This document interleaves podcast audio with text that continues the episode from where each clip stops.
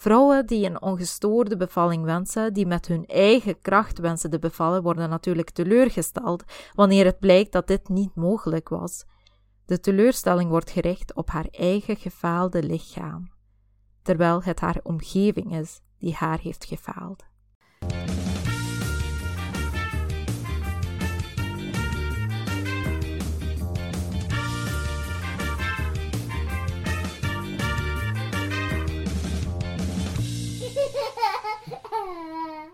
Welkom naar een nieuwe aflevering van Pregopod.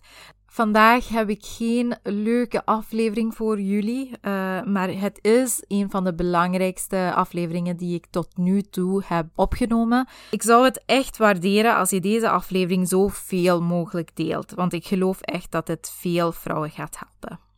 Heb jij tijdens je bevalling dit ooit gehoord? Je krijgt nu een infuus met oxytocine, want je weeën zijn niet zo sterk. Of we geven u nog een half uurtje. Als er tegen dan geen verandering is, uh, ja, dan moeten wij ingrijpen.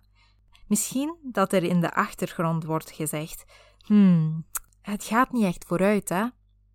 Of misschien zijn ze tussen elkaar bezig, zo van: Het duurt te lang tussen haar contracties.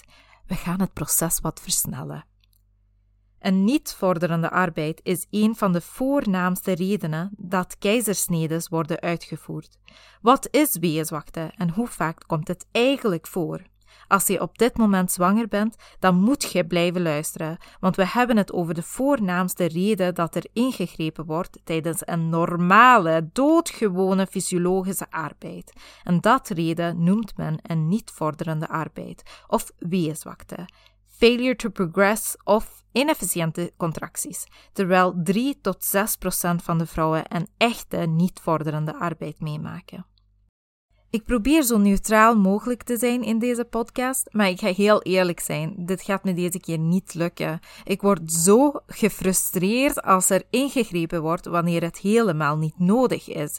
We overtuigen de mama dit heb je aan de hand. Het gaat niet vooruit. Dit is slecht en een interventie is noodzakelijk, terwijl dit een deel van de normale baring is. Dus lieve mama, beleef je stress tijdens je arbeid omdat het niet snel genoeg gaat?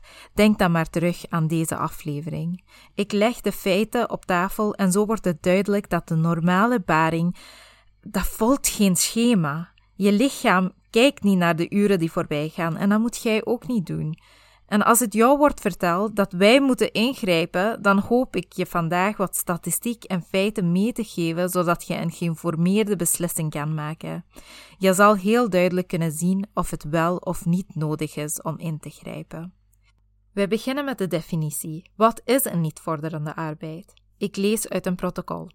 Er is sprake van een niet vorderende ontsluiting indien de toename van de ontsluiting minder dan 1 cm per uur bedraagt of wanneer er gedurende 2 of 4 uur geen progressie in de ontsluiting is opgetreden bij iemand die in partu is verklaard. Dus iemand die in arbeid is. De vraag is, hoe zijn ze eigenlijk tot deze formule gekomen? Uit onderzoeken uitgevoerd in de jaren 50, heb je me goed gehoord? In de jaren 50, nog eens te verduidelijken, dit is 70 jaar geleden. Dus in 1950 heeft iemand, hoest, hoest, dokter Friedman, hoest, besloten dat vrouwen moeten 1 cm per uur dilateren. Dus je moet elke uur 1 cm ontsluiting krijgen. En dit geldt blijkbaar voor alle vrouwen ter hele wereld. En als ze deze lineaire verband niet volgen, moet er na een aantal uren ingegrepen worden. Dus ze hebben een heel chique grafiek gemaakt met een chique naam daarbij, de partogram. Dat tot op de dag van vandaag gebruikt wordt. Het wordt toegepast hier in België. Ik heb het ook moeten invullen toen ik in Pakistan werkte. Het wordt echt overal toegepast. Ondertussen weten we dat deze formule, die 1 cm per uur, echt erachter gehaald is. En toch wordt het nog altijd gebruikt. 1 cm per uur is een slechte referentiewaarde. Punt. Voor sommigen gaat het veel sneller, maar voor anderen kan het ook veel langer duren, bijvoorbeeld 3,5 uur tussen 7 en 8 centimeter voor nieuwe moeders, zonder dat er iets aan de hand is. In de realiteit zien we ook dat een arbeid en bevalling zo individueel is. We hebben zo lang die 1 cm per uur als indicator gebruikt dat er bij normale fysiologische arbeiden onnodige interventies zijn uitgevoerd. Ik ga me even proberen te kalmeren en dan springen we er terug in.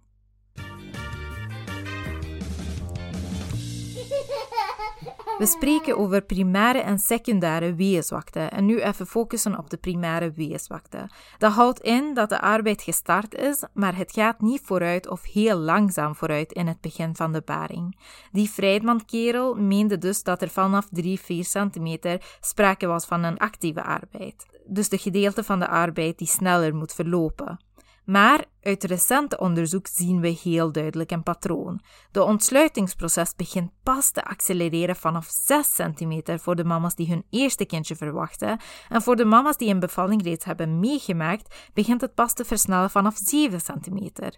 Maar omdat wij nog steeds die 70 jaar oude formule gebruiken, ondanks het feit dat we beter weten, leidt dit natuurlijk tot onnodige interventies, zoals het kunstmatig breken van de vliezen of het gebruik van En in sommige gevallen zijn we zo gefocust op de ontsluiting of het niet ontsluiten van de cervix dat er besloten wordt om een keizersnede te doen terwijl mama en baby helemaal oké zijn. Ain't nobody got time to wait for natural labor. De reden tot interventie is dan niet dat er een onvorderende arbeid is. De reden is heel simpel. Wij zijn ongeduldig. Waarom kunnen we niet wachten als alles oké is met mama en baby? Ja, als er een probleem aan de hand is, de baby doet het niet goed of mama maakt koorts of enige andere reden, dan moet er natuurlijk ingegrepen worden. Maar de reden is niet weeënzwakte. Deze diagnose kunnen we niet stellen. En waarom kunnen we dat niet stellen? Omdat de 1 cm per uur ontsluitingsformule niet klopt. Het is fout. Dus moeten we een nieuwe richtlijn maken en zo kunnen we eventueel zeggen dat ja, deze mama heeft wel weeënzwakte. Ik hoop dat het duidelijk is. Uit recente onderzoek zien we dat een normale bevalling veel langer kan duren dan wat men 70 jaar geleden dacht. Maar omdat we het oude systeem nog gebruiken, worden veel te veel vrouwen gediagnosticeerd met weeënzwakte, terwijl dat helemaal niet het geval is. Hoe dan ook, ik wil zeggen, het is zeker geen ziekte. Zoals ik in het begin zei, uh, ehm, 3 tot 6 procent van de vrouwen in de arbeid maakt een echte niet vorderende arbeid mee.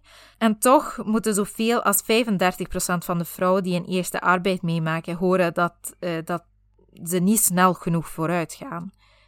En zoals altijd, als iemand geïnteresseerd is van waar ik die cijfers heb gehaald, stuur me gerust een bericht en ik stuur je een link, zodat je deze onderzoeken zelf eens kan doornemen. Via birthmatters.be heb ik ook deze zin gelezen. If 40% of women need oxytocin to progress normally, then something is wrong with the definition of normal. En ik vind dat een heel mooie samenvatting van wat ik de laatste paar minuten heb geprobeerd te formuleren.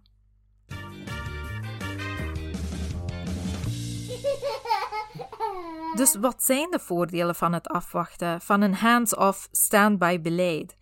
In de Verenigde Staten hebben ze hun richtlijnen voor een actieve fase van de baring gewijzigd. So they did something right. Het werd duidelijk dat vrouwen die eerder een keizersnede kregen omwille van een primaire weeënzwakte nu de kans kregen om, om in de echte actieve fase te gaan. En dan ziet men dat de vrouw wel een snelle vooruitgang maakt. Ja, maar ja, als er ingegrepen wordt, is het toch sneller daarvan af, hè? Beetje oxytocine, dat is toch niet zo erg? Ja, het klopt. Een interventie kan ervoor zorgen dat de vrouw sneller gaat bevallen, maar een interventie is niet zonder schadelijke effecten. Bovendien, de onnodige interventies in het natuurlijke geboorteproces ondermijnt de autonomie en waardigheid van vrouwen. Ik zal dat nog eens herhalen. Het ondermijnt de autonomie en waardigheid van een vrouw. Het kan een heel negatieve invloed hebben op haar bevallingservaring. Ze blijft herhalen. Telkens als iemand vraagt hoe de bevalling is gegaan, ja goed, maar het ging niet echt vooruit. Of mijn weeën waren niet sterk genoeg. In andere woorden zegt ze tegen haarzelf: Mijn lichaam heeft me in de steek gelaten. Hoe erg is dit? Dat is wat wij met onze handelingen, onze interventies indirect laten overkomen. En dat resulteert natuurlijk in ongeloof in haar eigen capaciteiten.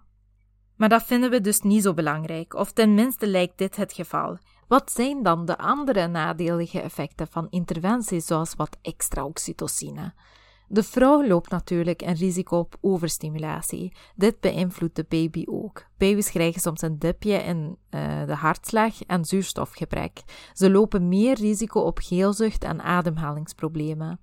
Kleinschalige studies beweren ook dat er een verband is tussen het gebruik van kunstmatige oxytocine en postpartum depressie. Helaas zijn we super laks geworden met het gebruik van oxytocine. Het is een fantastische medicatie, maar het moet zeker niet gebruikt worden wanneer er geen nood aan is. Het is alsof we vergeten zijn hoe een normale fysiologische arbeid en bevalling eruit ziet. De natuur geeft ons pauzes tijdens de arbeid. Het geeft ons de kans om te bekomen. Dat is niks dat gecorrigeerd moet worden. Trouwens, krijgen we voldoende de kans om onze eigen oxytocine te maken? Oxytocine komt pas vrij als we op ons gemak zijn. Warmte, privacy, het donker, stilte, dat zijn allemaal dingen die de stimulatie van de juiste hormonen op gang brengen. Hoe kunnen we sterke en efficiënte weeën krijgen als we tijdens het proces de hele tijd gestoord worden?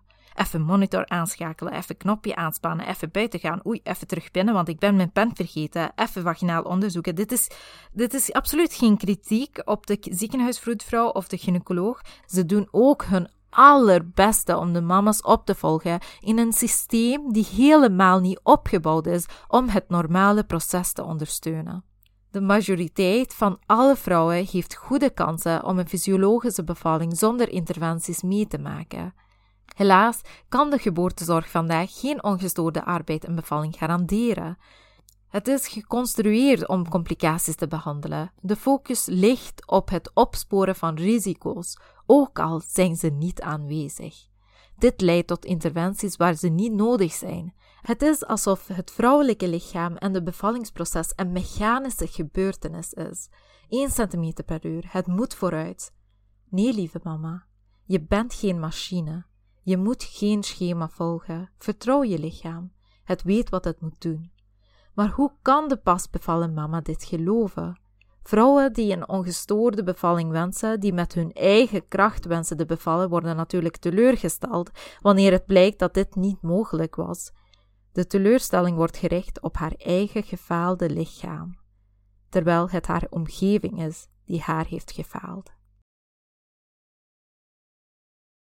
Heb je zelf deze zinnen gehoord? Het gaat niet vooruit of je hebt geen efficiënte weeën? Laat me het zeker weten. Deze aflevering ga ik afsluiten met een positief kantje. Tegenwoordig wordt er veel onderzoek gedaan naar de fysiologische arbeid en vanuit de bevindingen wordt een fysiologische partogram opgemaakt.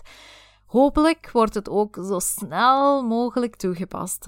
Het oude partogram wordt nog altijd aangeleerd. Toen ik nog student was, was het een van de belangrijkste parameters te kunnen invullen.